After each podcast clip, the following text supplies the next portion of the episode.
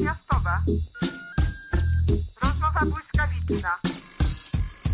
Sylwia Chudnik i Magdalena Parys. Dzień dobry Państwu. Ze słonecznego, ciepłego, niemal wiosennego Berlina wita Państwa bardzo serdecznie Magdalena Parys. Świat stoi na głowie, zamiast jesieni wiosna, zamiast Bidena Trump. Ponoć zagłosowało na niego o 5% więcej czarnych mężczyzn niż miało to jeszcze miejsce 4 lata temu, a my wciąż nie wiemy, kto wygra wybory w Ameryce. Korona szaleje, polskie kobiety i młodzież nie schodzą z ulic, Pozdrawiamy. My w Berlinie też nieustająco spacerujemy i w związku z tym postanowiłam dzisiaj przynieść Państwu trochę paliwa, trochę ekologicznej benzyny na to przebodźcowanie, na ten input atakujący ze wszystkich stron, na ten rozgrzany afekt i zaprosiłam do międzymiastowej kogoś wyjątkowego. Zapraszam na rozmowę z Michałem Nogasiem, wyjątkowym dziennikarzem literackim, który przez wiele lat w radiowej trójce zajmował się kulturą. Był kierownikiem redakcji publicystyki, współtworzył Radiowy Dom Kultury, w piątkowe poranki rozmawiał na antenie z Wojciechem Manem o nowościach książkowych, a dzisiaj w sumie robi to samo, tyle że w Radio Nowy Świat w Gazecie Wyborczej, w Wysokich Obcasach i Wysokich Obcasach Ekstra w magazynie książki i te najciekawsze, te najdłuższe, te najbardziej spektakularne wywiady z pisarzami, z pisarkami, e, które Państwo czytacie na tych łamach, no to właśnie jego dzieło. Zresztą czy ja muszę Państwu przedstawiać Michała Nogasia. Dodam tylko, że to ten, do którego każdy pisarz, każda pisarka chce przyjść po wydaniu książki i pragnie, aby to właśnie Michał Nogaś z nim porozmawiał. A dzisiaj role odwrócone. Michał wydał książkę i to jaką, i to o niej dzisiaj porozmawiamy. No, e, popastwię się trochę, przepytam. Tradycyjnie rozmowa będzie trwała godzinę, bo tyle zawsze na antenie radiowej przepytuje Michał Nogaś zaproszonego gościa. No, można powiedzieć, że on e, nie przepytuje. Michał Nogaś przeprowadza śledztwo nad każdą książką, a dzisiaj to my przepytamy. Dzisiaj to my poprowadzimy śledztwo w międzymiastowej. Zapraszam bardzo, słucha, bardzo serdecznie. Wysłuchajcie koniecznie do końca, bo zaczyna się delikatnie, grzecznie, miło, a potem jest ostra literacka jazda. Nasz gość. Dzisiaj naszym gościem jest e, Michał Nogaś. Witaj, Michale. Dzień dobry autor wydanej dosłownie przed chwilą y, książki z niejednej półki. Książka jest zbiorem wywiadów z pisarkami i pisarzami, wśród nich Olga Tokarczuk, Masłowska, Pilch, Szczygieł, ale też Margaret Atwood, Mario Vargaliosa, Orhan Pamuk, Zaręba Bielawski, Paul Auster, Swietlana Aleksijewicz, Elizabeth Strout, Jonesbo Świetlicki i ja już w tym momencie zaprzestanę, mówiąc krótko, najlepsi z najlepszych najznakomitszych, ale też znajdziemy tam parę nazwisk mniej znanych, o nich dzisiaj też jeszcze porozmawiamy. E, wywiady pochodzą z ostatnich sześciu lat, ukazywały się na łamach Gazety Wyborczej, popraw mnie Michał, gdybym tutaj popełniła jakiś błąd, e, Wysokich Obcasów Ekstra, e, książek, magazynu do czytania i można było je usłyszeć także w Radiu Książki w cyklu Spółki Nogasia, tak? Wszystko się zgadza. Jeszcze, Wszystko... jeszcze Wysokie tak? Obcasy bym dodał, bo też z, poza obcasami ekstra są też te tygodniowe i właśnie tam. Oczywiście. Mhm. Aha. No więc e, dodam jeszcze tylko, że książka jest przepięknie wydana. Zawiera wspaniałe rysunki pisarek i pisarzy autorstwa Joanny Rusinek, tak? E, I w tym samego Michała.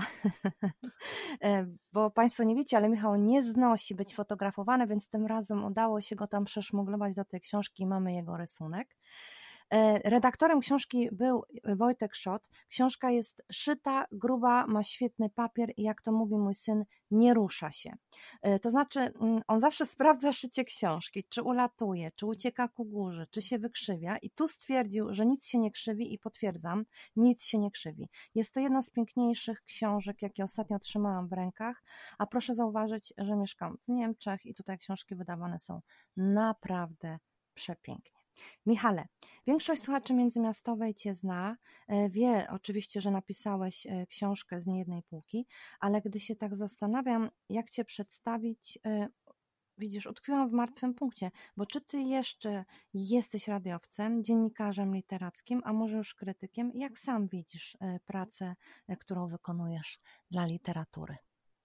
Myślę, że jestem po prostu dziennikarzem kiedyś radiowym, a teraz prasowym i radiowym z tego względu, że poza pisaniem do gazety i do magazynów, o których wspominałaś, głównie są to wywiady, czyli zajmuję się tą.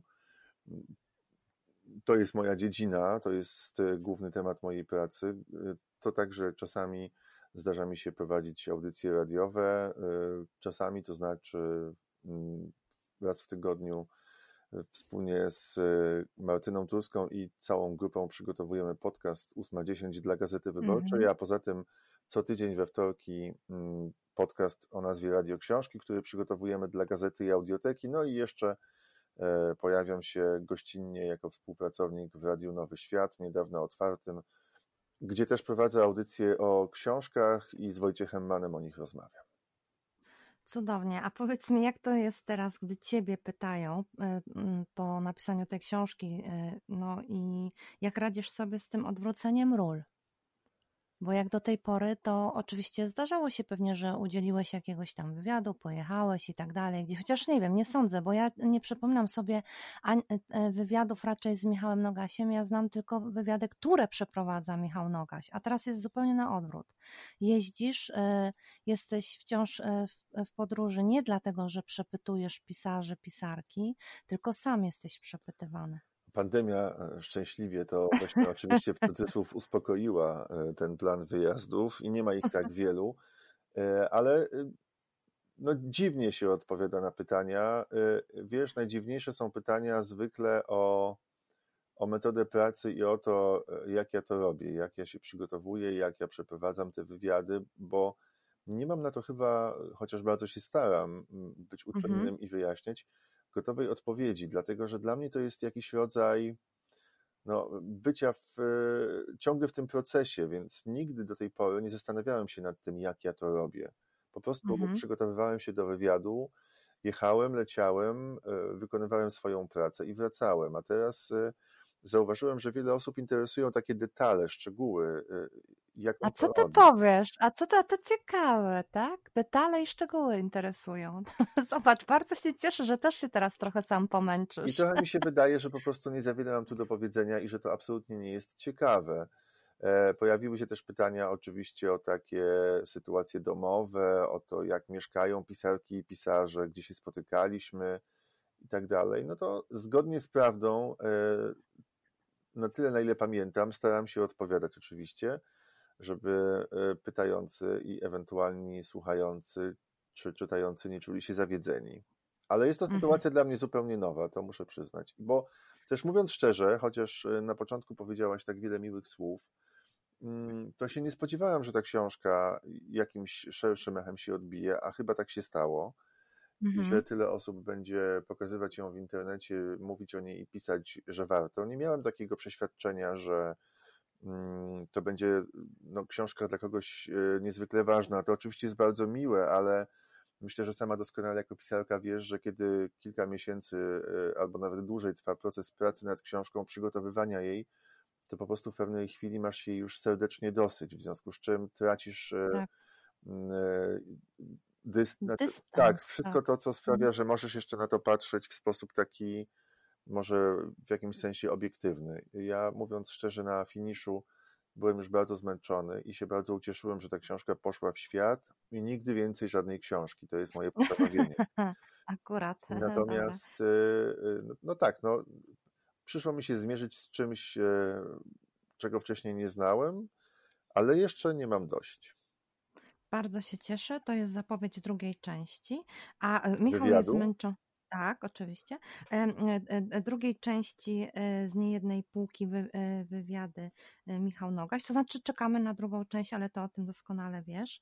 Ale jeszcze o tym będziemy zaraz mówić. A Michał jest zmęczony dlatego, że właśnie tutaj sprawdzam. Książka ma w sumie no prawie 700 stron, dokładnie 680 4 bodajże, no to naprawdę można być zmęczonym. Wiem, o czym Michał mówi. Ja mam też za sobą, prawie wszystkie moje książki mają tyle stron, ale zawsze mi, e, wiesz, e, redaktorzy wywalają, więc później jest trochę mniej. A tobie dużo wyrzucono? Twój redaktor pastwił się bardzo? Nie to, że się pastwił, natomiast ta książka, o czym wspominaliśmy, w dużej mierze jest złożona z tekstów, które wcześniej już powstały.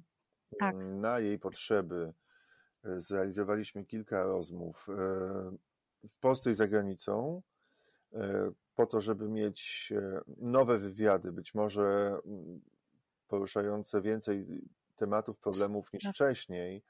Mhm. Mm, ale czy się pastwił nade mną? Nie. To znaczy, Wojtek po prostu wziął te wszystkie teksty, które wybraliśmy do książki i bardzo sumiennie je przeczytał.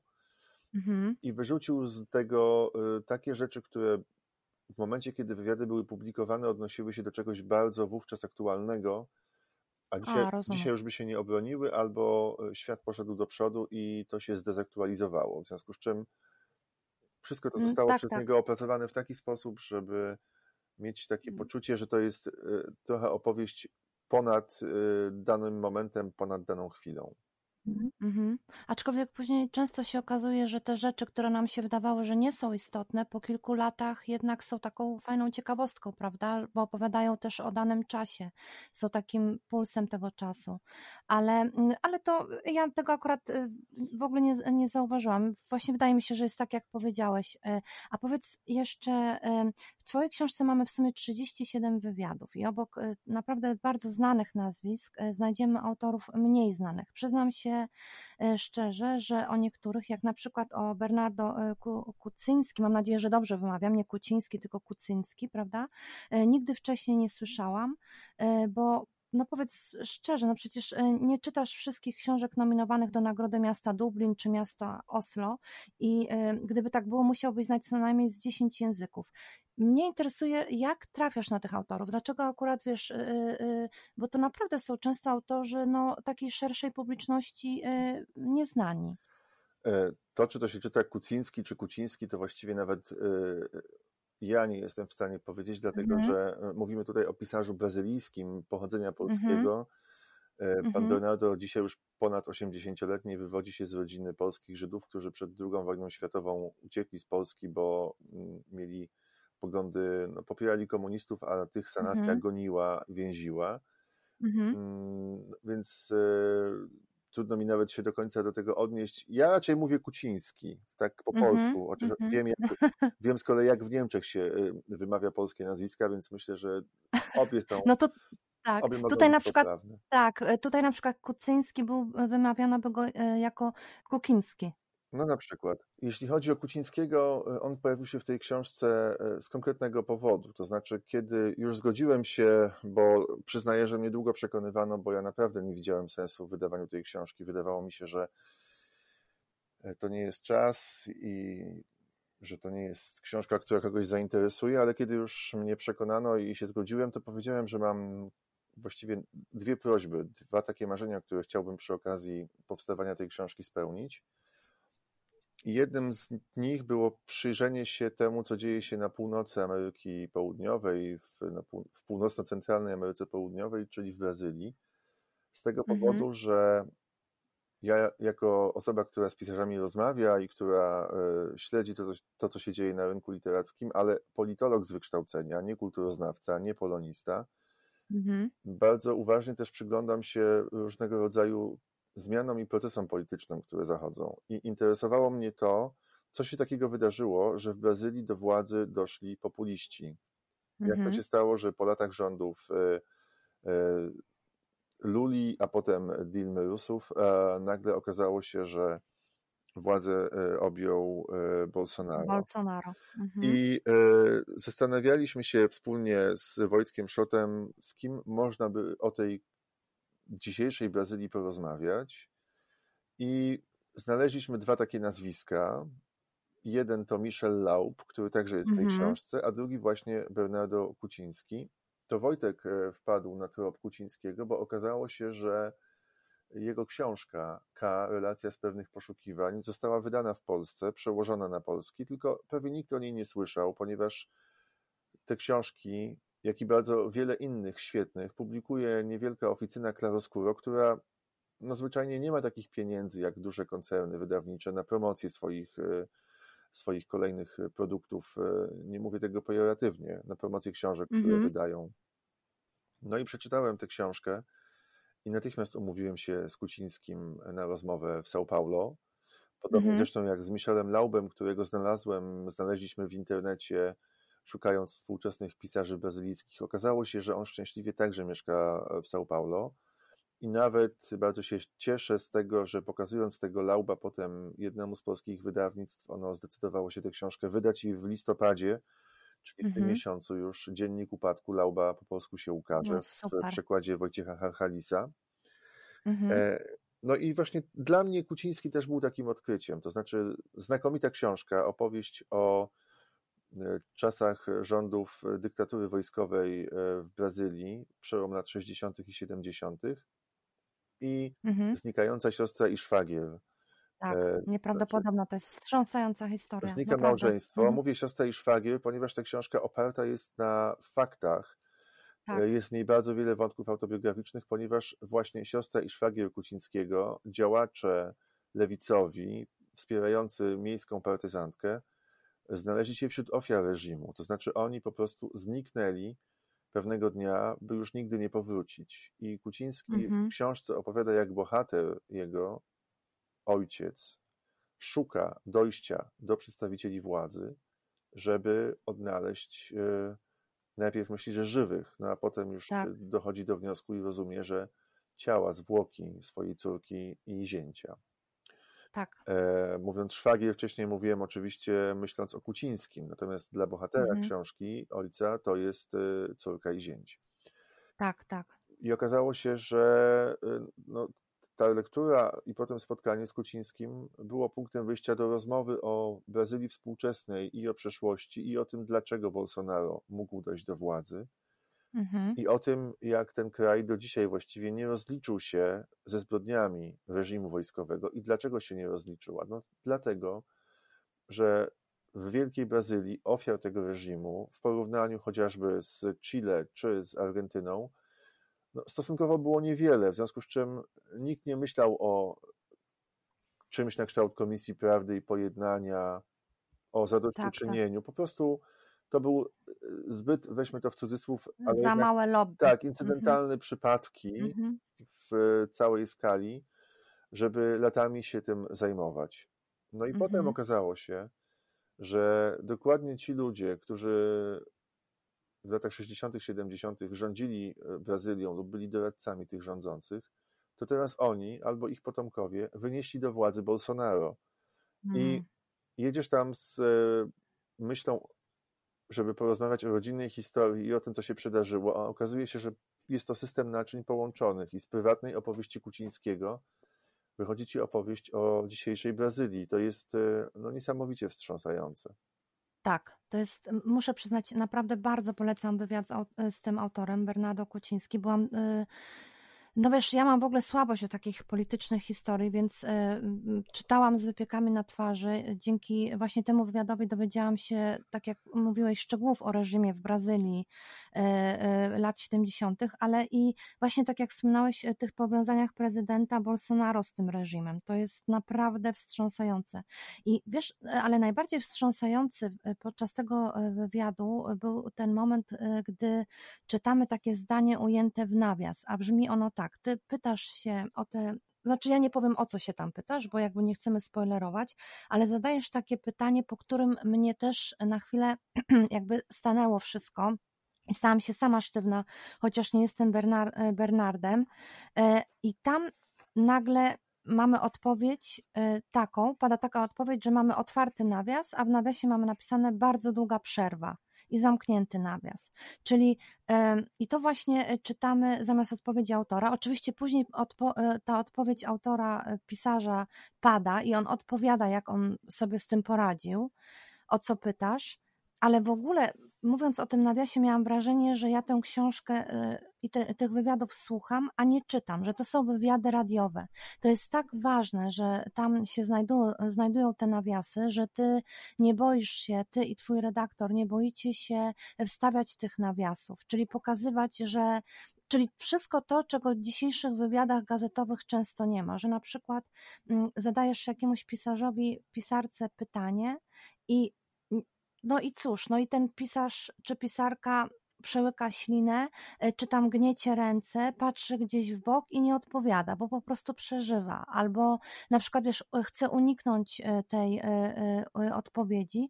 I tutaj wydaje mi się, znaczy nie wydaje mi się, ja wiem o tym, w tych wywiadach to jest i to właśnie jest ujęte w tych nawiasach. Bardzo dobrze, że z nich nie zrezygnowaliście. To, to był taki moment kulminacyjny dla mnie w tym wywiadzie z Bernardo Kucińskim, bo ty naprawdę stawiasz mu bardzo bolesne pytania.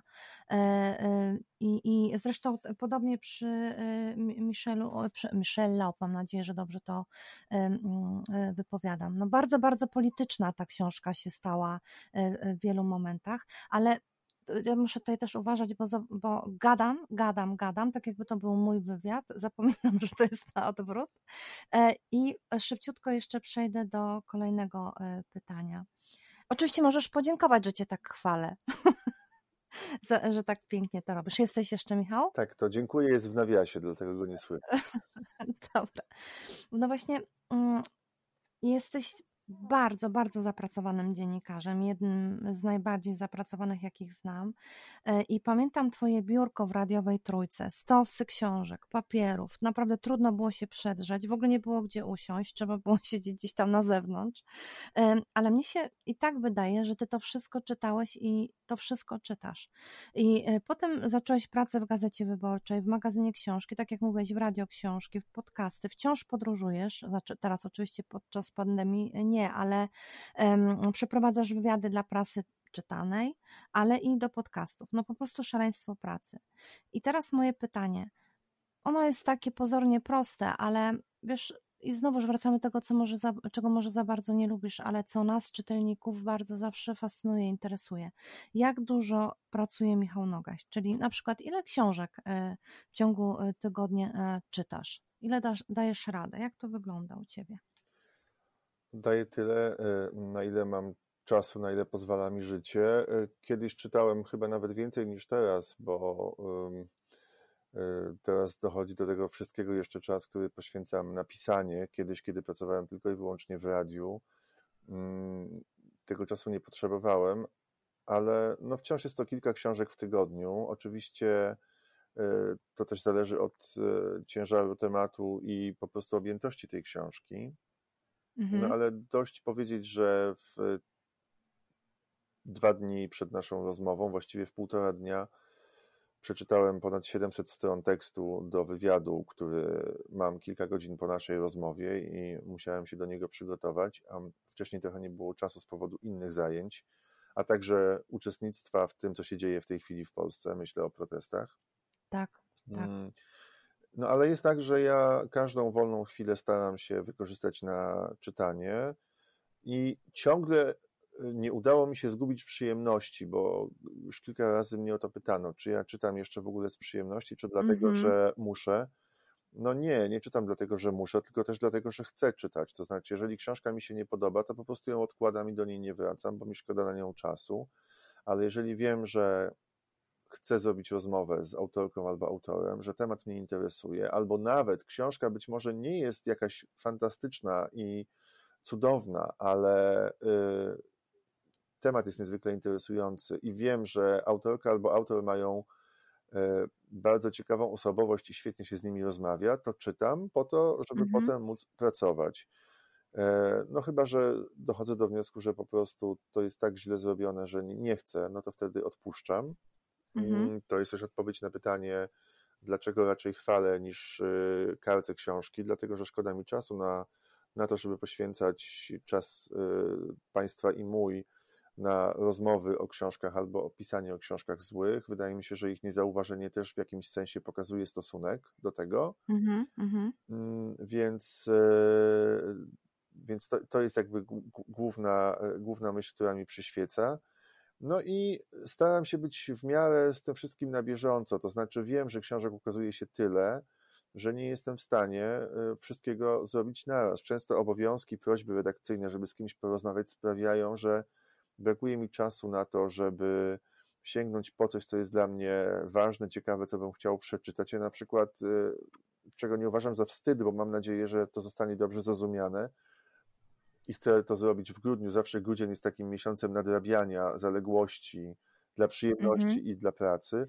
Ja na przykład do tej pory nie miałem czasu na spokojnie przeczytać najnowszej książki Szczepana Twardocha i bardzo czekam mm -hmm. na mhm. taki moment, kiedy będę mógł usiąść i w spokoju, przy kawie, bez pośpiechu pokorę przeczytać.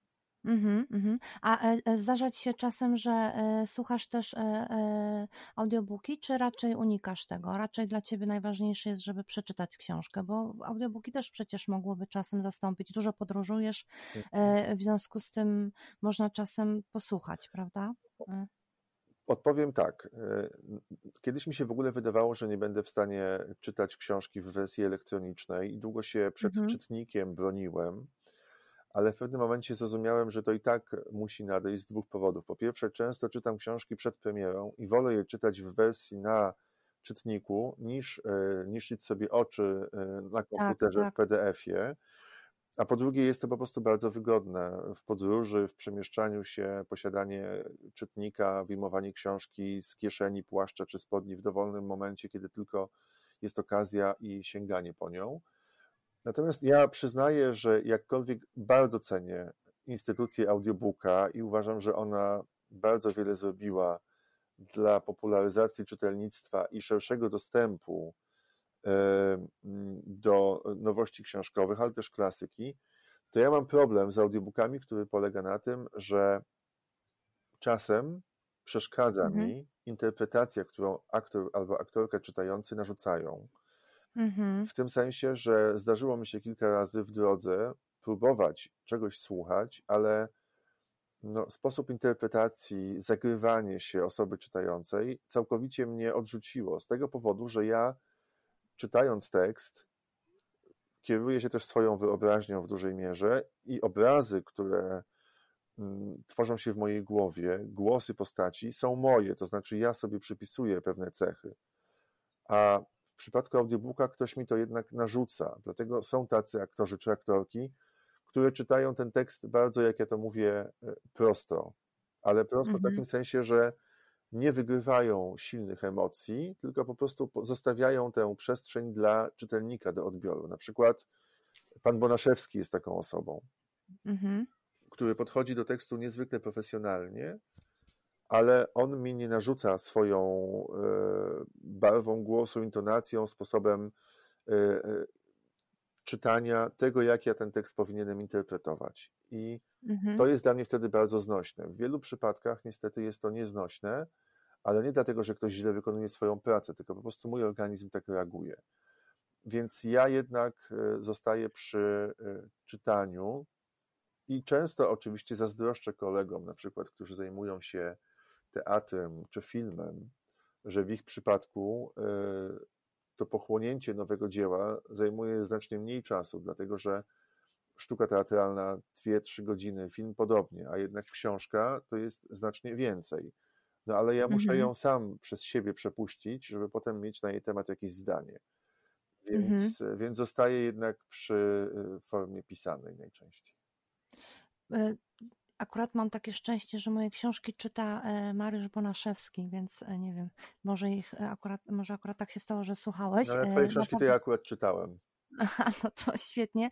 A powiem Ci jeszcze przy okazji, że akurat Pokory wspaniale przeczytał, no widzisz, i teraz wyleciało mi z głowy kto, e, e, aktor, który gra też główną rolę bodajże, e, mam nadzieję, że się teraz nie mylę, w, w serialu Król mhm. i zrobił to fantastycznie. I ja na przykład Pokorę słuchałam, ale oczywiście tak samo jak Ty wolę przepuścić przez siebie książkę i już później ją czytałam, ale dokładnie jest tak, jak mówisz, nie narzuca, nie ma tej maniery i po prostu daje radę się to, i to wspaniale się słucha. Tym aktorem jest, dodajmy, y, Michał, Michał Żurawski.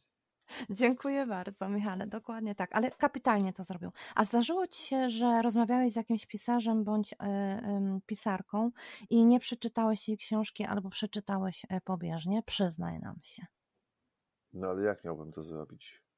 No wiesz, ja znam takich niestety dziennikarzy, y, którzy potrafią przyjść na spotkanie i y, z góry powiedzieć, zdarzało mi się to niestety, że przepraszają najmocniej, ale mają tyle pracy, że bardzo chcą przeprowadzić ten wywiad ze mną, ale i przeprowadzają, ale no nie przeczytali tej książki jeszcze, albo dosłownie mają za sobą parę stron. Ja rozumiem, ale kiedy przygotowujesz się do wywiadu z autorką albo autorem, i chcesz porozmawiać mhm. z nimi na temat książki i coś z tej, z tej rozmowy wyciągnąć poza streszczeniem fabuły, no to tak. chyba musisz mieć świadomość, że idziesz też trochę na ścięcie, to znaczy tak. pisarz bardzo szybko może się zorientować, czy y, osoba przeprowadzająca wywiad przeczytała książkę, czy nie. Wystarczy, że zadać ci takie pytanie, mhm.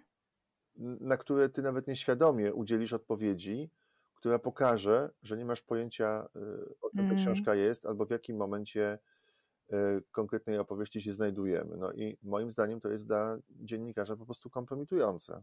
Absolutnie. W związku z no czym no nie wydaje mi się to możliwe. Y, w pewnym momencie swojej pracy zawodowej jesteś już w takim miejscu, w miejscu, do którego dochodzisz latami ciężkiej pracy, poświęcenia, chęci rozmowy z najważniejszymi, najwybitniejszymi autorami, że nie możesz sobie na to po prostu pozwolić. Mm-hmm. Są takie sytuacje oczywiście, w których życie, los sprawiają, że się nie wyrabiasz, no ale to wtedy dzwonisz do autora i prosisz o przełożenie wywiadu. Nie tak. możesz iść na wywiad goła, nieprzygotowana, dlatego że to się może skończyć katastrofą. No, wiesz, dobrze, zostawmy to. Chociaż z drugiej jeszcze... strony powiem Ci, że doceniam też szczerość, to znaczy jeżeli ktoś mhm. przychodzi na rozmowę i mówi, że nie przeczytał, ale chciałby, to oczywiście od reakcji drugiej strony zależy to, czy do rozmowy dojdzie. Natomiast y, tak. to już wolę, jak ktoś powie szczerze, niż y, blefuje. Tak, tak.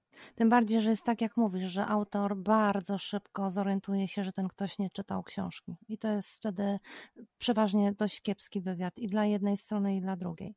Ale przejdźmy jeszcze raz do Twojej książki. Powiedz mi, w jakim języku przeprowadzałeś wywiad z Agnetą Plajel, mam nadzieję, że dobrze tak. wymawiam, Plajel i Maciejem Zarębą Bielawskim. Y, wspaniały wywiad. No po prostu mój y, ulubiony, zaraz po wywiadzie y, z Hanną Kral. Pytam, bo tu mała uwaga dla naszych słuchaczy. Polski reporter, a przede wszystkim no, pisarz Zaręba Bielawski, autor dwóch wiersz, pisze po szwedzku, a Plajel jest Szwedką i swoją drogą e, e, pouczający był to niezwykle życiowo wywiad. E, parę rad przez nich przedstawionych natychmiast e, zastosowałam. E, e, no, tak wspaniały wywiad. Byłam tak mile zaskoczona. Na początku myślałam sobie, Boże, wywiad y, z, y, z, partnerką, z partnerem razem, podczas gdy ja tak bardzo chciałam rozmawiać tylko, znaczy y, rozmawiać, no widzisz, ja to już traktuję jako rozmowę mm, z Zarębą Bielawskim, a tutaj takie miłe zaskoczenie, to, to było coś fantastycznego. Ale w jakim języku z nimi rozmawiałeś? Już to wszystko mhm. wyjaśniam, tylko powiem, że mm. dla mnie to jest też jeden z ważniejszych wywiadów, jestem zakochany w Anecie i Macieju, jako w ludziach, nie tylko oczywiście jako tak. w autorach, bo to jest jasne. Inaczej nie chciałbym z nimi rozmawiać i nie chciałbym mieć ich w swojej książce. To zresztą był jeden z pomysłów właśnie na rzeczy nowe, ekstra dodane. Tak, tak. Mm, e, oni mieszkają w Sztokholmie, e, poznali się lata temu, kiedy Maciej emigrował z Polski po roku 68. I w ogóle wokół tego wywiadu wydarzyło się wiele wspaniałych rzeczy. Poleciałem do Sztokholmu, Maciek mnie odebrał z lotniska i wyobraź sobie, wyobraźcie sobie Państwo, że dostąpiłem tego zaszczytu, że mhm.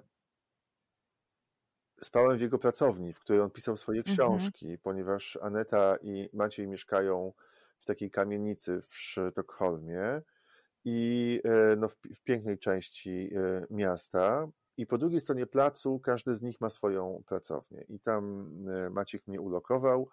Przed spotkaniem, przed rozmową poszliśmy na przykład do Muzeum e, Nagrody Nobla, więc mogłem sobie zobaczyć o, już jak e, Olga Tokarczuk jest tam upamiętniona, uwieczniona.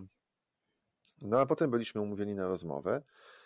I e, ponieważ ja szwedzkim nie władam, to ustaliliśmy, że plan rozmowy będzie taki. Ja zadaję pytanie i na pytanie, które skierowane jest bardziej do Macieja, on odpowiada po polsku. Natomiast pytanie, które ja zadaję Anecie, Maciek tłumaczy na szwedzki, Aneta odpowiada i potem on tłumaczy na polski. Ale no to mam to nagranie mhm. i to było naprawdę niesamowite, ponieważ część rzeczy wydarzała się po szwedzku, ale też bardzo często Aneta jakby wchodziła na, e, przechodziła na język angielski mhm. i mówiła do mnie po angielsku, potem coś dopowiadała po szwedzku, Maciej to tłumaczył. W związku z czym mhm. Poza niesamowitymi rzeczami o sobie, o świecie, o literaturze, które mi przekazali w tym wywiadzie, no, było też w tym dużo takiej radości i zabawy. W, tak, pewnym to... momencie Aneta mnie zapytała, mhm. czy jeszcze nadążam za nimi, ponieważ oni się tak aha. wspaniale uzupełniają, że właściwie ja patrzyłem na to jak na zjawisko, mówiąc szczerze. A najbardziej mhm. niesamowite jest to, że to jest, wyobraź sobie, pierwszy w ogóle wspólny z nimi wywiad. Ach, to no znaczy, ale to... oni mhm. przez tyle lat y, na mapie literackiej Szwecji, Polski nie tylko istnieją, funkcjonują osobno i jako wyjątkowe małżeństwo, a nikt z nimi wcześniej takiej rozmowy nie przeprowadził. W związku z czym no, jestem potrójnie albo poczwórnie szczęśliwy, że to się udało, a język był no po prostu łamańcem. No ale to, wiesz, to jest fantastyczna rozmowa. Ja obiecałam sobie, że nie będę tutaj w jakieś plany wchodziła podczas naszej rozmowy, ale to jest tak wspaniała rozmowa, tam z tego bije taka energia, tyle prawdy. Yy, najwięcej podkreśleń mam właśnie w tym wywiadzie i w wywiadzie z Hanną Kral, zresztą wywiad, yy, rozmowa z Hanną Kral to jest mistrzostwo świata. Ja czegoś takiego. Ja przeczytałam tyle wywiadów w swoim życiu. Y, w ogóle przez 10 lat y, mm, czytałam wyłącznie biografię albo właśnie wywiady. Nie, nie, przez wiele lat y, w ogóle nie interesowały żadne powieści ani te, nie wiem, reportaże czy, czy inne książki. Ja po prostu siedziałam w biografiach, e, w autobiografiach i w wywiadach. I powiem Ci, że takiego wywiadu, zaraz jeszcze wrócimy do e, Macieja Zaręby Bielawskiego i e, Agnety, ale takiego wywiadu jak z Hanną Kral, ja jeszcze w życiu nie czytałam. To jest, proszę Państwa, coś tak nieprawdopodobnego i przy okazji tak optymistycznego. Właściwie ja nie wiem, nie wiem, nie wiem. Ja, ja nawet, wiesz, postanowiłam rozmawiać z Tobą o każdej innej rozmowie w tej książce i, i ilekroć chciałam, y, wiesz, zastanawiałam się nad pytaniami odnośnie wywiadu y, z Hanną Kral, to nie mam ja nie mam jeszcze słów na to wszystko. To znaczy, ja jeszcze nie znalazłam języka, żeby rozmawiać o tym y, wywiadzie, bo on jest po prostu do przeczytania, do przeżywania i do, do, do, do kurczę, czego, Michał? No to jest naprawdę, nie wiem w jakich okolicznościach odbyła się ta rozmowa, czy to jest zlepek różnych rozmów, bo z Hanną Kral oczywiście można rozmawiać e, o tysiącu e, rzeczy i spraw, a tutaj mamy, mam na, czy ja mogę spoilerować, czy ja mogę no, powiedzieć o czym tak? To jest rozmowa e, e, poświęcona e, Edelmanowi, o ile możemy odmieniać to nazwisko. Ja już jestem bardzo ostrożna w ostatnim czasie, bo bez przerwy dostaję tysiące uwag, że tego nazwiska nie wolno odmienić, a to tak i tak dalej. Także jest to wywiad ku czci Marka Edelmana, Dobrze mówię? Dobrze tak, odmieniam? Tak. Powiem. tak? I, i, I to jest zrobione tak, że chociaż to jest rozmowa o zupełnie kimś innym, to tak naprawdę najwięcej w tym wywiadzie dowiadujesz się o samej Hannie Kral. Co to jest za człowiek? Już nie, e, nie nawet pisarka, tylko człowiek. Wstrząsający, wspaniały, cudowny e, wywiad i właściwie no nie mam żadnych pytań do tego. To jest, to jest wywiad totalny. Ja tylko dodam, że e, ten wywiad, o którym mówisz, on się właściwie wziął ze wściekłości mojej o czym A, zresztą no na początku super. książki, tak, tak, na, tak. początku wywiadu mhm. wspominam. To znaczy, mhm. chodziło o to, że y, w 2019 roku y, Ministerstwo Kultury i Dziedzictwa Narodowego, wtedy mhm. jeszcze bez mhm. sportu, na Facebooku mm, przypomniało o 125. rocznicy urodzin Raymunda Kolbego, potem y, świętego Maksymiliana, ale zapomniało kilka dni wcześniej Mm, odnotować setną rocznicę urodzin Marka Edelmana. Y, dla tak. mnie jednej z najważniejszych postaci, jaka się przydarzyła Polsce i światu w XX wieku, prawdziwego bohatera. No i wściekły na to, że w ten sposób traktuje się wybiórczo ważne postaci z naszej historii. Ja teraz nie oceniam roli Maksymiliana Kolbego, tego co on robił i pisał przed wojną, bo to nie o to chodzi. Chodzi tylko o to, że władza wybiórczo traktuje mm, wybitne postaci. Zadzwoniłem do Hanny Krali i zapytałem ją, czy ona by się zgodziła na rozmowę poświęconą Edelmanowi. I tak, i to jest zresztą bardzo ciekawe, bo kiedy przyjechałem do pani Hanny do jej domu, e, to właściwie miałem takie wrażenie, że ona już wie, co chce powiedzieć i że e, też jest to dla niej bardzo ważne, żeby to wspomnienie, ta rozmowa wybrzmiały. Dlatego ta, ta nasza rozmowa w książce nie zaczyna się od mojego pytania, tylko od wypowiedzi Hanny Kral, która mówi tak: mhm. skoro, o Marku, skoro o Marku Edelmanie ma być, to może od początku, bo początek był dość ważny. Więc ja już tak. wtedy wiedziałem, że ja po prostu będę podążał za tokiem jej opowieści, y, włączając w to swoje pytania, i że ta rozmowa właściwie, wiesz, to jest fascynujące, dopiero teraz sobie to uświadamiam, że ona już się odbyła niezależnie od siebie w naszych głowach, zanim w ogóle ją przeprowadziliśmy.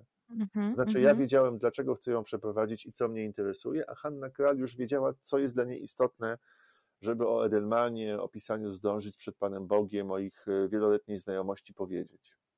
Mhm, mhm. No, no jest to coś y, tak, y, tak.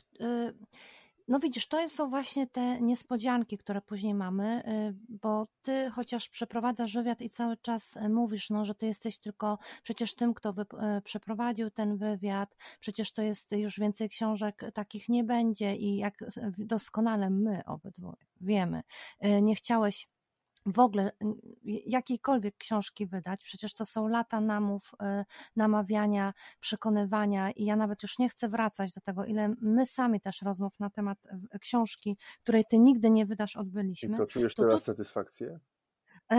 wielką.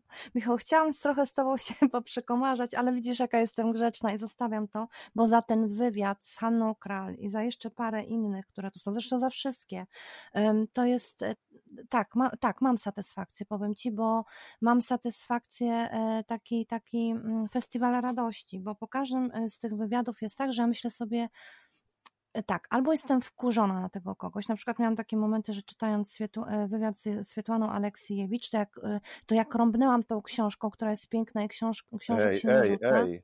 Tak, e, no miałam takich parę momentów, e, gdzie e, tak samo było przy, no dobra, ale jakby nie, nie, nie chcemy tutaj w, te, w tym kierunku iść, ale przecież o to chodzi, żeby książka nas wkurzała, żeby książka nas zastanawiała, żebyśmy szli z nią spać i żebyśmy się z nią, z nią budzili. I po każdym z tych wywiadów pod koniec miałam wrażenie, że wiesz, to tak bardzo banalnie zabrzmi, że jestem o coś e, bogatsza, ale naprawdę tak było. To, to ja ostatnio notatki e, robiłam, ja nie wiem e, kiedy, Boże, no przy jakichś materiałach źródłowych, które potrzebuję do własnych książek i to też zawsze robię tak, że przepisuję na komputerze, ale jak już zabieram się i biorę zeszyt i piszę ręcznie, to znaczy, że to jest coś dla mnie bardzo ważnego. I tak było w przypadku tych wywiadów, że te notatki są tylko dla mnie z tej książki. One nie są do wywiadu z tobą, one nie są po to, żeby gdzieś to później gdzieś, nie wiem, jakoś użyć czy e, spoilerować, tylko one są dla mnie, dla, dla duszy. A czy ja się mogę I... do czegoś przyznać teraz, skoro już tak, takie wyciągnęłaś? To mhm. znaczy,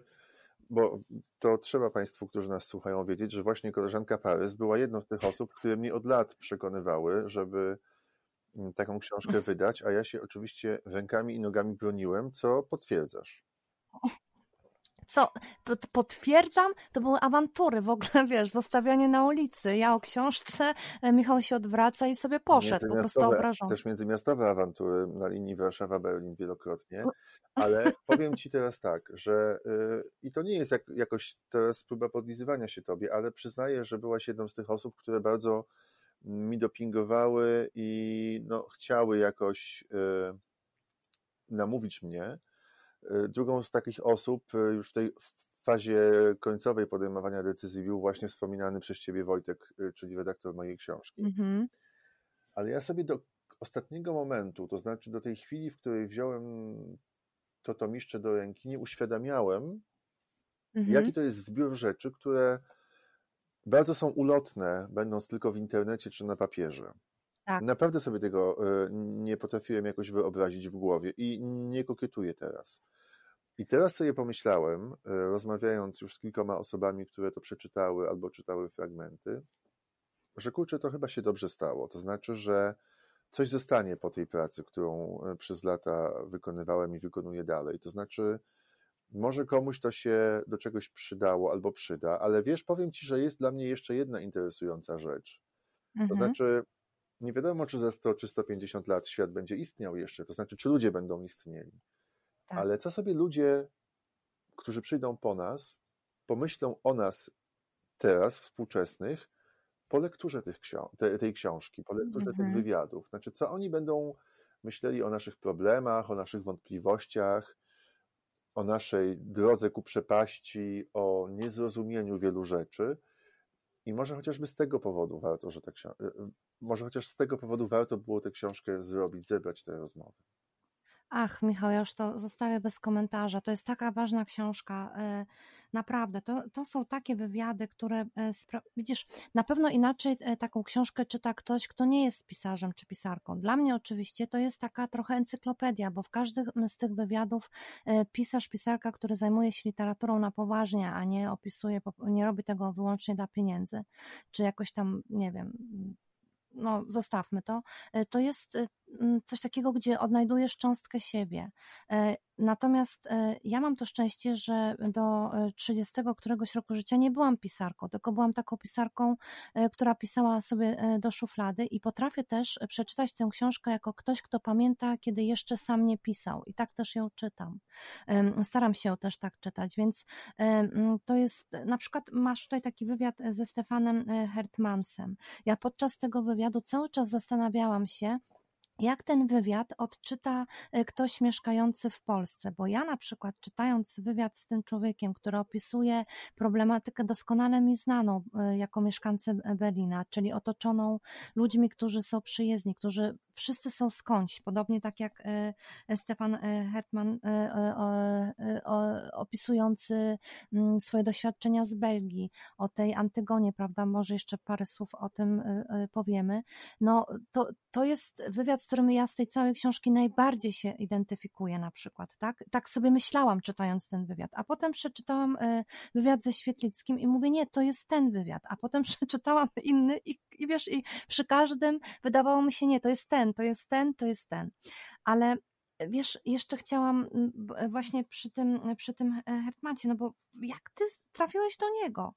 E, mm, Skąd, skąd, skąd w tobie wola e, e, przeprowadzenia e, wywiadu z kimś, no powiedzmy sobie szczerze, dla polskiego czytelnika niekoniecznie tak, e, e, wiesz, zrozumiałego, jak na przykład dla niemieckiego. Mhm. Czy, To było tak, że e, książka Stefana Hetmansa, Wojnę i terpentynę, wybitną Mhm. książkę, absolutnie. wybitną, Oczywiście tak, opartą wspaniałą. też na e, jego własnych doświadczeniach, bo to jest opowieść e, o jego rodzinie, o jego dziadku. Mm, Dostałem do przeczytania, zanim ukazała się w Polsce, nakładem marginesów i się absolutnie zachwyciłem nie tylko kunsztem literackim i szczerością Hertmansa, ale też tym, Tak. że wydaje mi się, że w Polsce wciąż nierozpoznany jest temat e, traumy, jaką dla Europy Zachodniej była pierwsza wojna światowa.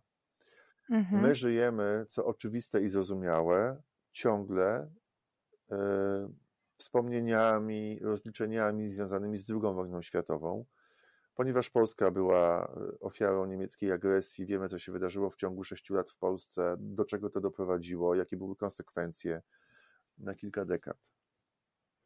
Ta historia pokazana z perspektywy człowieka z Europy Zachodniej, z perspektywy człowieka, którego bliski gnił w okopach, żył w Mhm. strachu przed śmiercią.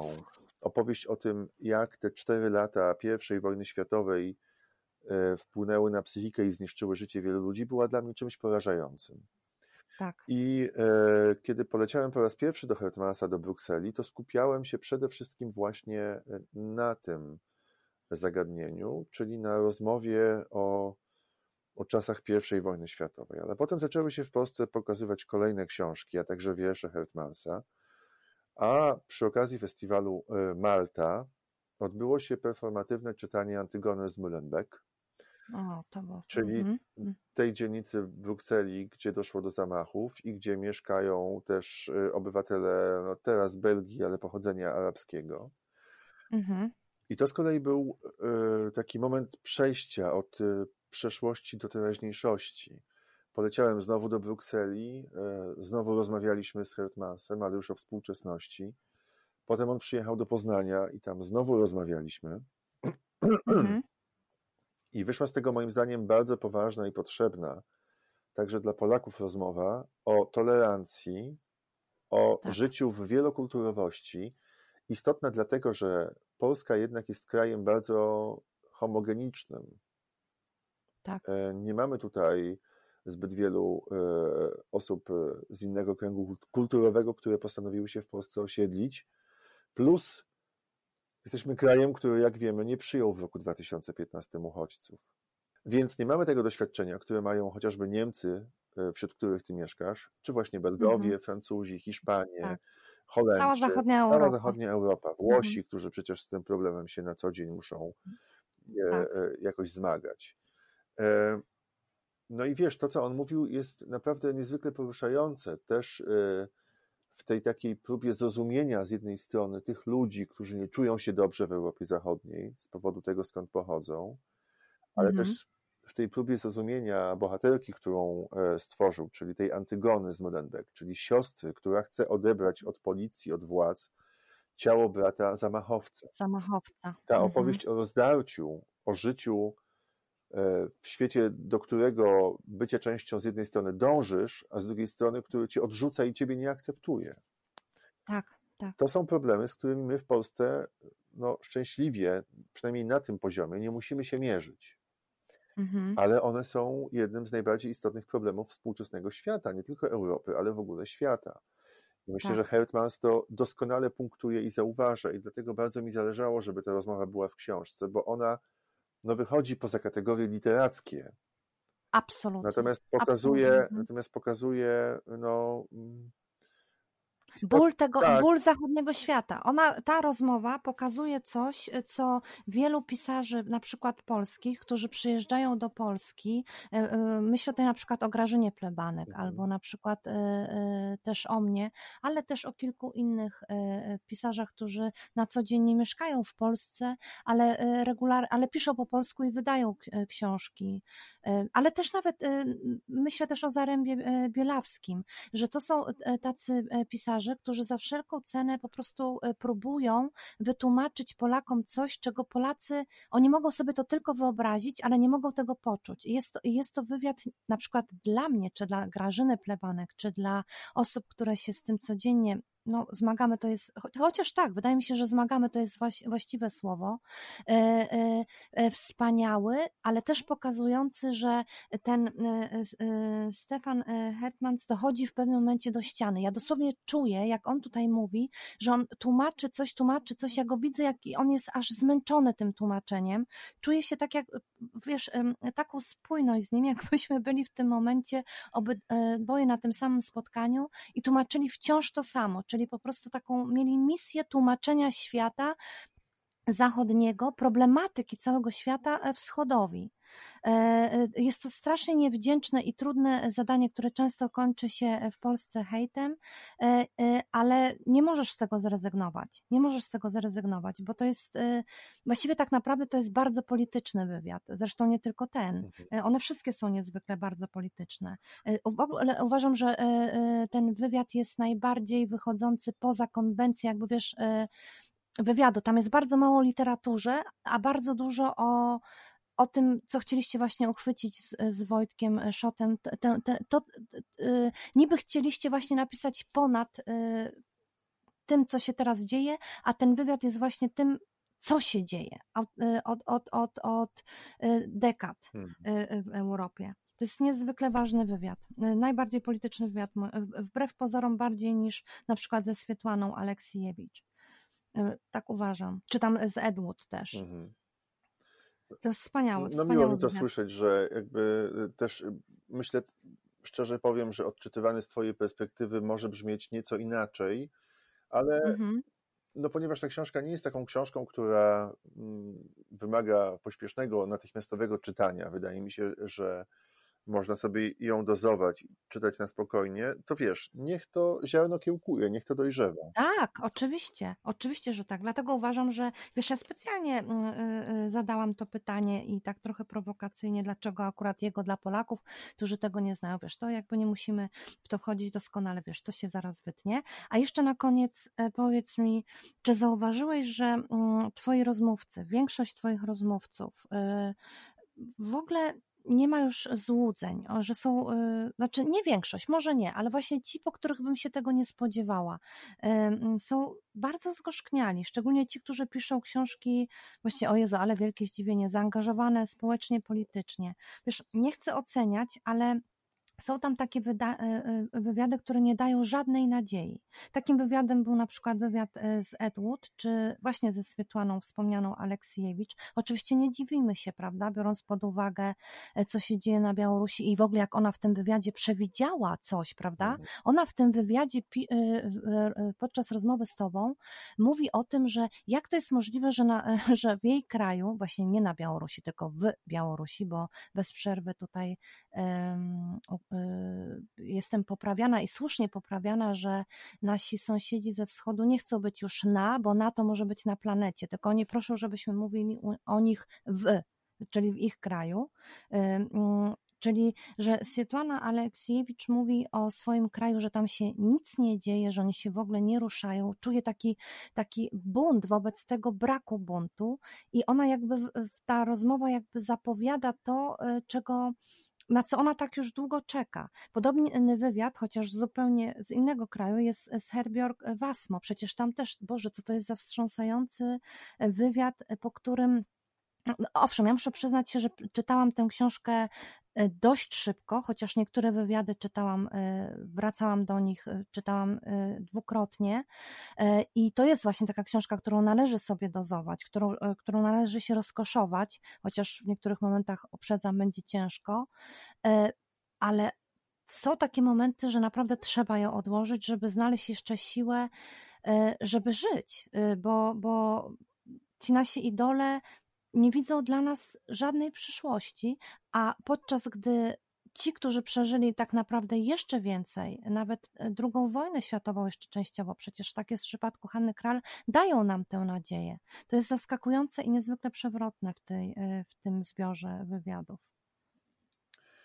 Tak, no ja zdaję sobie sprawę z tego, że być może ta książka nie jest najbardziej pesymistycznym e, tekstem, jaki się okazał w ostatnich e, miesiącach czy latach, ale z drugiej strony, wiesz, e, nie ma się oszukiwać co i nie ma co oszukiwać naszych słuchaczy i czytelników, że mm, jednak pisarze umieją opisywać świat i go wyczuwają doskonale i że jeżeli mówią, że dochodzimy do przepaści, do krawędzi, jeżeli coś się nagle nie wydarzy, nie odwrócą się pewne procesy, no to czekają nas bardzo złe momenty, to nie mam żadnego powodu, żeby im nie wierzyć, żeby nie, tak, nie mówić oczywiście. o tym innym ludziom. To znaczy nie ja, tylko nie oddawać głosu tym, którzy tak właśnie mogą uważać więcej, którzy są co do tego przekonani. E, no mamy takie czasy, które nas hmm. optymistycznie nie nastrajają i muszę przyznać, że Mm, no wiesz, nie spodziewam się jakoś nagłej odmiany, zmiany. Raczej bardzo bym się cieszył, gdyby się okazało, że po prostu jesteśmy w procesie, który pozwoli nam e, to, co najgorsze w ludziach teraz wyzwolone, e, zahamować i, i jakoś nas poniesie z powrotem w stronę dobra i, i jasnej strony mocy. Nie wiem, czy tak będzie, ale mhm. mam przekonanie, że w ciągu tych ostatnich kilku lat w tych rozmowach, które przeprowadzałem z pisarzami, pojawiały się pewne sugestie, czy wręcz nawoływania, czy apele, czego nie robić, co zrobić, żeby e, tę destrukcyjną stronę e, naszej cywilizacji jakoś zatrzymać, zahamować. No ale oczywiście pisarzy mało kto słucha, albo nikt nie słucha, bo raczej liczy się walka o władzę, o profity i o to, że po nas choćby potop, więc e, kilku, kilkunastu, głównie mężczyzn na szczycie podejmuje decyzje dotyczące naszej przyszłości, często już za chwilę nieodwoływalne. Oni sobie znikną, a nasi e, potomkowie z tym zostaną. Tak. Więc jakby udawanie, wiesz, tworzenie takiego e, sztucznego, optymistycznego świata nie leży w mojej naturze i myślę, nie powinno mieć miejsca, bo Ja bym wolał jednak, żeby ludzie byli świadomi tego, na co się zgodzili i na co pozwalają innym. Tak, tak, oczywiście. Wiesz, nie chodzi tylko o taką higienę psychiki e, też. E, zastanawiałam się nad nią, bo ja też, tak jak mówiliśmy wcześniej, trochę inaczej e, czytałam tę książkę, ponieważ sama piszę też książki, które, w których jestem niezwykle zaangażowana politycznie i im bardziej bym się do tego dystansowała, że one nie są z tym związane, tym bardziej one polityczne są. I tak samo jest w przypadku niemal wszystkich Twoich autorów, Twoich no, rozmówców. E, że tam zawsze jest jednak o polityce, nawet w najmniej e, spodziewanym e, momencie. To jest z jednej strony fantastyczne, a z drugiej strony właśnie też takie deprymujące, a później przychodzi wywiad, gdzie jest zupełnie inaczej. Jest, jest, jest właśnie w przypadku tego rozmówcy, w przypadku którego w ogóle byśmy się nie spodziewali, że jest ta e, iskierka nadziei, on nam tę iskierkę nadziei daje i to jest niezwykle, e, niezwykle ważne, ale ja oczywiście mówię o tym jako tutaj osoba, która to czyta i czego by e, pragnęła, prawda, że, że chce mieć te, to światełko w tunelu.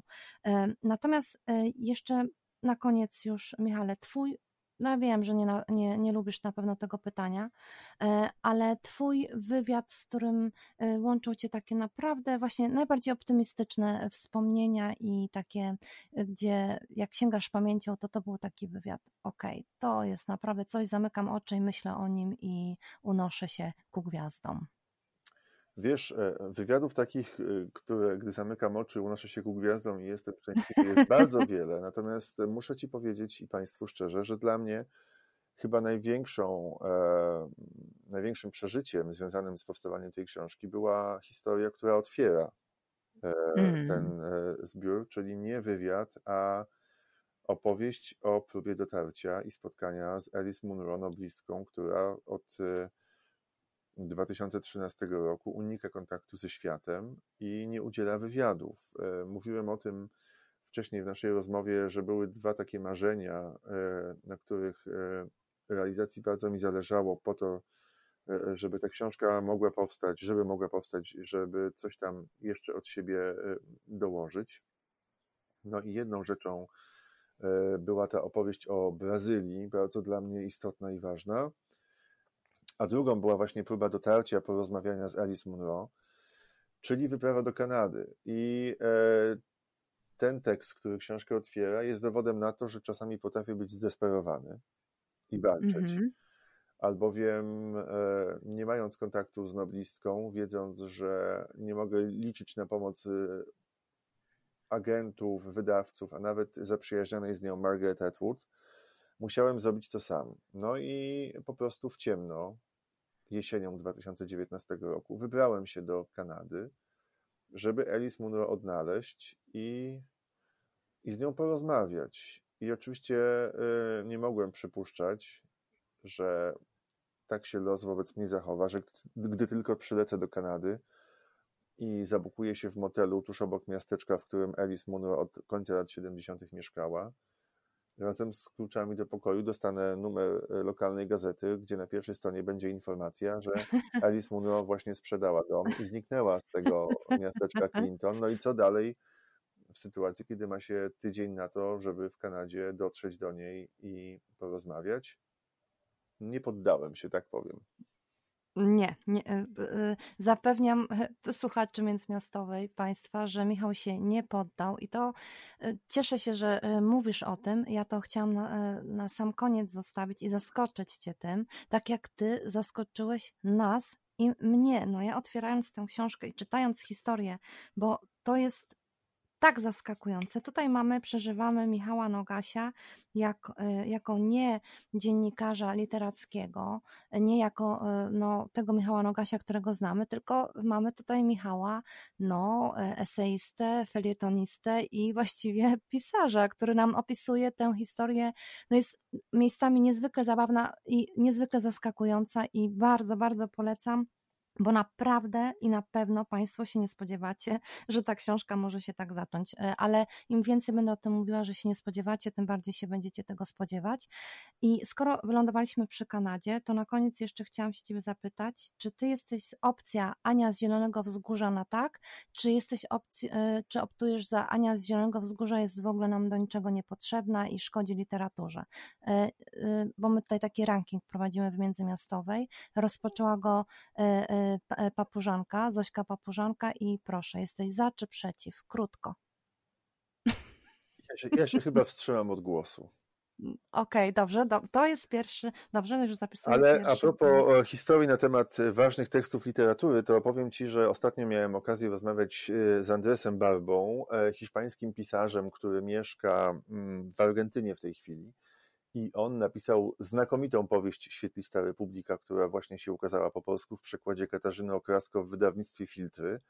I to jest taka opowieść mhm. o nienazwanym miasteczku na skraju cywilizacji dżungli, w którym nagle pojawiają się dzieci, które zostają nazwane dziećmi dzikimi i które zaburzają e, spokój społeczny. Mhm. I Barba powiedział mi, że dzieciństwo bardzo go interesuje od dawna jako temat i jako materia pisarska, natomiast on się przyznał, że nienawidzi Małego Księcia. Aha, I że uważa, okay. że Mały Książę jest książką nie tylko infantylną, ale też nad wyraz szkodliwą i że gdyby powstał na świecie klub osób nienawidzących Małego Księcia, to on chętnie będzie prezesem tego klubu, ponieważ uważa, że e, Antoine de Saint-Exupéry wyrządził więcej krzywdy niż pożytku, pisząc tę książkę, i to się często odbija na psychice osób dzisiaj już dorosłych, a także dzieci wkraczających w dorosłość. Więc myślę, że jak mhm. ty mnie pytasz o Anię Zielonego Wzgórza, która oczywiście jest no, piękną, baśniową opowieścią o dorastaniu, emancypacji, sile woli, e, sile kobiecej i tak dalej, e, a dla innych może być po prostu nudną opowieścią gdzieś z prowincji, no wiadomo, prawda? Mm -hmm, tak, e, ja z kolei bardzo silnie przeżyłem to, co powiedział Barba i myślę, że takich mhm. książek, które uznajemy za teksty, no nie wiem, czy ważne dla popkultury, czy kanoniczne i tak dalej, na różnych poziomach literatury, jest więcej. I z jednej strony mamy dyskusję na temat tego, czy Ania Zielonego Wzgórza jest e, B, czy OK, a z drugiej strony możemy też otworzyć dyskusję, czy Mały Książę jest książką ważną, czy po prostu jest e, szajsem i robi mnóstwo złych rzeczy z naszymi e, umysłami. No to widzisz, ty jesteś jak zwykle dyplomatą, ja kompletnie tego e, nie potrafię i ja jestem też, jeśli chodzi o mojego księcia, w opcji B, ale nigdy jak do tej pory nie miałam okazji się tego przyznać, więc ja się zapisuję do tego fan klubu tego pana, a powiedz mi, a czy, to, czy, to, czy powieść tego autora trochę z tymi zbuntowanymi małymi dzieciakami opowiada nam też o tym, co, się, co mamy też w książce Łaskawe, tam też mamy taki taki, no ale nie, to za dużo byś może zdradził. To może zostawmy to i przeczytajmy Powiem to sami. tylko, bo... że Świetlista Republika jest książką, w której doskonale pobrzmiewają echa Józefa Konrada i Brunona Schulza, do czego Andrzej Barba się przyznaje. Mhm. I co było dla mnie niesamowitym odkryciem i też pokazuje niesamowitą siłę literatury polskiej. E, bo tak też lubię mhm. myśleć o Konradzie, chociaż oczywiście jest jednym z najważniejszych twórców literatury y, brytyjskiej, anglosaskiej, ale jednak no, skąd się wziął, więc ci mm, twórcy, którzy wyszli z Polski, okazuje się, że nawet teraz po latach w zupełnie niespodziewanych sytuacjach, y, no, jakby to powiedzieć, mają wpływ na innych i ich literatura jest y, dla nich ważna. A to jest już niezwykle ciekawe, e, że o tym wspomniałeś, bo ja patrzę na literaturę polską z perspektywy e, Niemiec e, i literaturę polską oczywiście poznawałam jeszcze w szkole w latach, no nie wiem, 80., kiedy w Polsce jeszcze chodziłam do szkoły i to była taka, nawet jeśli tutaj niektórych wkurza, ale dla mnie głęboka dyktatura. Mhm. I Mm, a później czytałam te książki już y, mieszkając w Niemczech i moje koleżanki i koledzy z klasy czytali lektury, czuli się do nich przymuszani, a ja czytałam ją z lekkością, bo mnie do nich nikt nie zmuszał, a chciałam iść jakby równolegle z tym. I powiem Ci, że dzisiaj po latach, kiedy przeczytałam już no nie wiem ile książek, ale przeczytałam y, na pewno mm, takie książki, których w Polsce się nie czyta, bo w Niemczech wydawane są inne książki niż y, w Polsce i bardzo, bardzo dużo czytam po niemiecku i słucham też po niemiecku. To im bardziej się nad tym zastanawiam, tym bardziej dochodzę do wniosku, że literatura polska jest literaturą na najwyższym poziomie. To znaczy, czy to są, y, że i nie mówię tego jako jakaś taka patriotka, czy ktoś, który koniecznie chce to powiedzieć, bo my tego potrzebujemy i musimy się czymś nakarmić w związku z tym, że mamy tyle innych kompleksów. Ja mhm. mówię to zupełnie wielką swobodą y, człowieka, który czyta y, bardzo, bardzo dużo czytelnika i to jest literatura której nie tylko e, w ogóle o wstydzie nie ma mowy, to, to jest coś. E, to jest coś. I nie tylko świadczy o tym ilość tych przyznanych literaturze polskiej e, nobli, ale świadczy o tym, jak odbierana jest ta literatura, kiedy ja bardzo dużo podróżuję i, i z, z, książkami, czy jestem we Włoszech, czy jestem we Francji, czy jestem w Niemczech i słyszę i do, dokładnie słucham tego, co, o czym mówią czytelnicy, którzy przychodzą na moje spotkania. I my rozmawiamy nie tylko oczywiście o książce, którą ja napisałam, tylko o literaturze w ogóle. E, I, I to jest e, zachwyt, to jest permanentny zachwyt e, ludzi, którzy odkrywają tę polską literaturę i którzy już zawsze wiedzieli, czy już z wcześniejszych dziesięcioleci, wiesz, dekad wiedzieli, że to jest coś. Ile razy na przykład gdzieś nie pojechałam i słyszałam, że ci ludzie znają na przykład Konwickiego. Przecież nasze książki, literatura polska jest naprawdę bardzo, bardzo, wiesz, tłumaczona i od lat. I to nie są tylko niszowe wydania, wydawnictwa i ktoś, kto czyta po prostu literaturę polską zna i nie musimy się tu wcale nawet, od, e, wiesz, odwoływać do Konrada, który nie pisał po polsku, tylko myślę o naszych tutaj, wiesz, e, polskich autorach, więc to jest coś, e, coś, coś wielkiego i mm, ostatnio byłam też na takim spotkaniu, gdzie tłumacz Olgi Tokarczuk mówił o tej literaturze polskiej. I on jest Niemcem, Lothar Quinkenstein. Tak się złożyło, że jesteśmy zaprzyjaźnieni. On jest też tłumaczem moich książek na język niemiecki. I opowiadał o Odojewskim, opowiadał o wielu, wielu autorach przeze mnie absolutnie zapomnianych. Siedzieliśmy w takiej um, jakby to nazwać, no tak, e, taki, mm, w takim miejscu, gdzie odbywa się bardzo, bardzo dużo spotkań. Jest to e, księgarnia niemiecka pani Fritschweid i tam na to spotkanie przyszli głównie e, Niemcy i Lotar opowiadał o swojej książce, a przy okazji e, zrobił taki wstęp do literaturoznawstwa dla tych, e, którzy tam przyszli o literaturze polskiej. W pewnym momencie zauważyłam, że ja słucham tego wykładu z wypiekami e, na, wiesz, na policzkach. Nie dlatego, że on mówi o literaturze polskiej, tylko że on mówi o wielkiej literaturze. On mówił o takich nazwiskach, on mówił o, o, o takich fenomenach, że my wszyscy po prostu bez przerwy tam robiliśmy notatki. Ja sobie dopiero w tym momencie zdałam sprawę o potędze tego i to opowiadanie opowiadał mi Niemiec. Niemiec o polskiej literaturze i po prostu pomyślałam sobie, kurczę, no tak, dokładnie tak jest, jak on mówi. Ale przypomnijmy też e, sobie, wiesz, co padło z ust jednego z członków Akademii Szwedzkiej w momencie e, laudacji e, podczas gali wręczenia Nagród Nobla w roku 2019 dla Olgi Tokarczuk za, za rok 2018.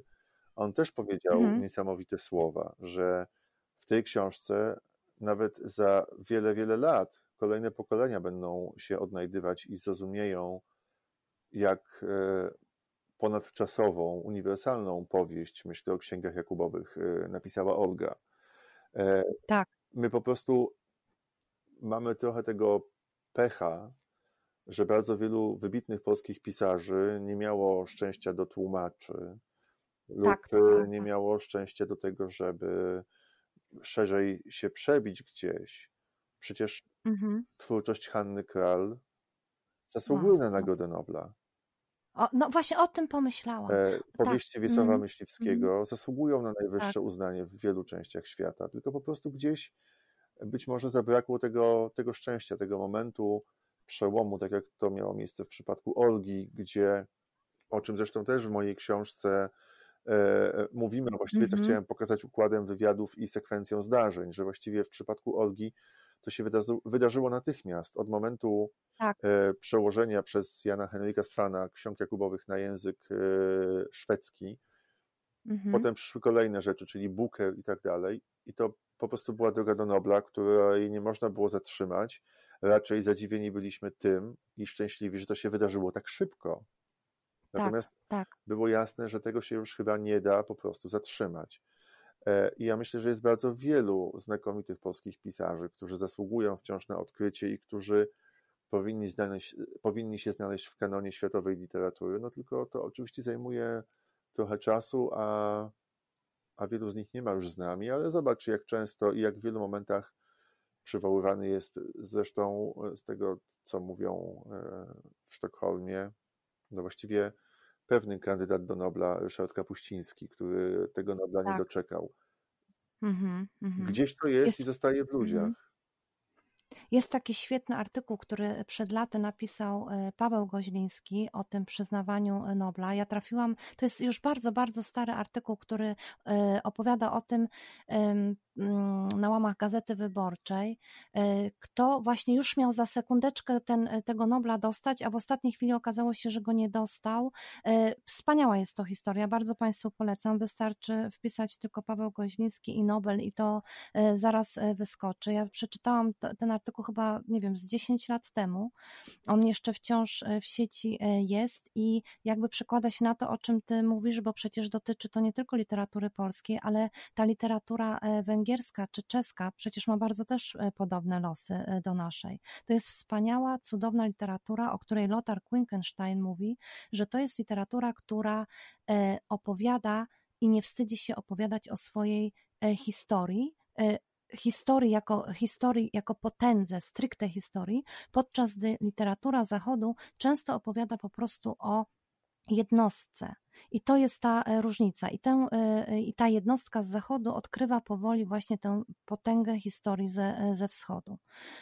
Tak, tak on to przedstawił w wielkim skrócie i uważam, że coś w tym jest bardzo, bardzo ciekawego. A mówię to pod wpływem chłopów, których zaczęłam czytać i którymi jestem zafascynowana, bo w ogóle, wiesz, wróciłam e, e, do Raymonta i do tych wszystkich, ale dobra, zaczynam nowy podcast. Michał, zapraszam Cię na, kolejny, na kolejną rozmowę, gdzie będziemy mogli o tym wszystkim porozmawiać, bo widzisz, e, to ma być rozmowa z Tobą, a nie jakieś moje przemyślenia o klasyce w ogóle.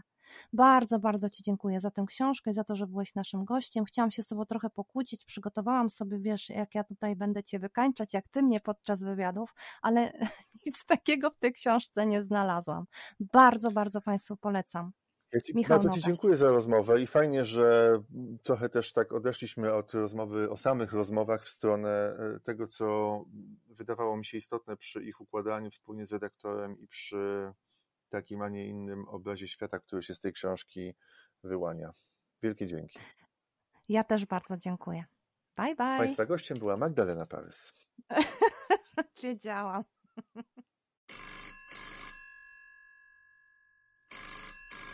Miastowa. Rozmowa błyskawiczna. Sylwia Chudnik i Magdalena